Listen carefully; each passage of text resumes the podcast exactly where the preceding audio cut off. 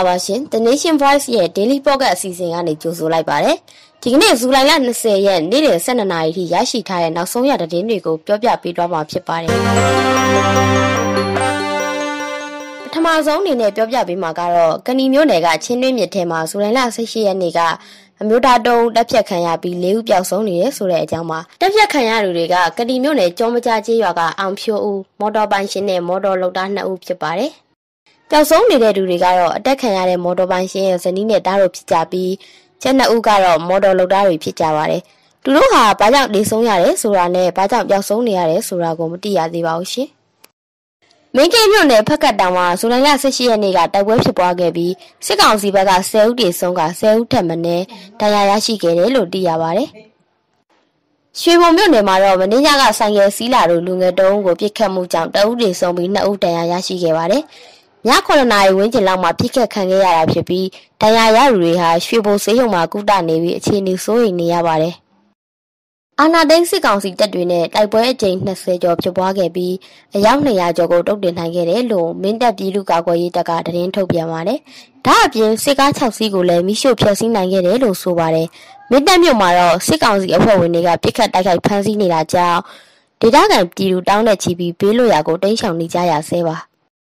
စကိုင်းတိုင်းမုံရွာမြို့မှာမနေ့ကပြုလုပ်ခဲ့တဲ့လူလူတပိတ်ကိုစစ်ကောင်စီအဖွဲ့ဝင်တွေကလိုက်လံဖြုတ်ခွင်းပြီးဆိုင်ကယ်65စီးကိုတဲယူသွားတဲ့အပြင်တပိတ်မှာမပါဝင်တဲ့ပြည်သူတုံးကိုလည်းဖမ်းဆီးသွားပါတယ်။တပိတ်နဲ့မဆိုင်ပဲအိတ်ရှိမှာရထားတဲ့ဆိုင်ကယ်တွေကိုတဲယူသွားတာလို့ဆိုပါတယ်။တပိတ်စီချောင်းကို Facebook Live ကတဆင့်အခုလိုလာရောက်ဖြုတ်ခွင်းခံရတာဖြစ်ပါတယ်ရှင်။ တောင်တွင်းကြီးဆေးရုံမှာကုသမှုခံယူနေတဲ့ကိုဗစ်လူနာတွေဟာကျန်းမာရေးစောင့်ရှောက်မှုမရတဲ့အပြင်နေထိုင်စားတောက်ရေးအပိုင်းမှာလည်းအခက်အခဲကြုံနေကြရပါတယ်။ဆေးရုံမှာကိုဗစ်ကာကွယ်ကုသဆေးတုံးပစ္စည်းတွေမလုံလောက်တာကြောင့်ပြင်ပကနေအလှခံနေရတယ်လို့လည်းသိရပါတယ်။ကိုဗစ်ရှိမရှိစစ်ဆေးတဲ့နေရာမှာငွေကြေးကောက်ခံတာတွေရှိနေတယ်လို့ဆိုပါတယ်။မြန်မာနိုင်ငံမှာတရက်အတွင်းကိုဗစ်ကူးစက်ခံရသူလူနာအတင်9000ကျော်ရှိပြီးတည်ဆုံးလူက289ဦးရှိတယ်လို့စစ်ကောင်စီကမင်းညကထုတ်ပြန်ပါတယ်။ တင်ဆုံးမှုဟာစံချိန်ပြစ်ဖြစ်ပြီးတော့အရင်စံချိန်ကတော့24နာရီတွင်230ကျော်တင်ဆုံးခဲ့တာပါပိုးတွေလူနာတစ်တွေထဲမှာရန်ကုန်က1500နီးပါးနဲ့အများဆုံးဖြစ်တယ်လို့တင်ဆုံးသူကလည်း68ယောက်နဲ့အများဆုံးဖြစ်နေရတွေ့ရပါတယ်။ကြရားပြည်နယ်မှာတော့မနေ့ကအထိကိုဗစ်အတည်ပြုလူနာ169ဦးအထိရှိလာပြီး9ဦးတင်ဆုံးခဲ့တယ်လို့သိရပါတယ်ရှင်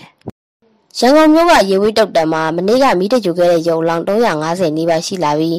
အရင်နေ့တွေကထက်ဒီဆုံးလုံးများလာတယ်လို့ပရိဟိတဓမ္မတွေကပြောကြပါတယ်။အခြားတုတ်တန်တွေမှာလည်းရော်လောင်းတွေများပြားနေပြီးရန်ကုန်ကတုတ်တန်တွေအလုံးမှာတရက်ကို900နီးပါးမိတကြိုပေးနေရတာဖြစ်ပါတယ်။ရန်ကုန်မှာနေ့စဉ်ဒီဆုံးသူ1200ကျော်လာပြီဖြစ်ပြီးစီပင်က24နာရီပတ်လုံးအဆိုင်တုံဆိုင်ခွဲပြီးတကြိုပေးနေရတယ်လို့စစ်ကောင်စီကသတင်းဖော်ပြပါတယ်။ရန်ကုန်မြို့ကတုတ်တန်ခုနှစ်ခုမှာဇူလိုင်လ18ရက်နေ့က1234လောင်တကြိုခဲ့ရတယ်လို့ဆိုပါတယ်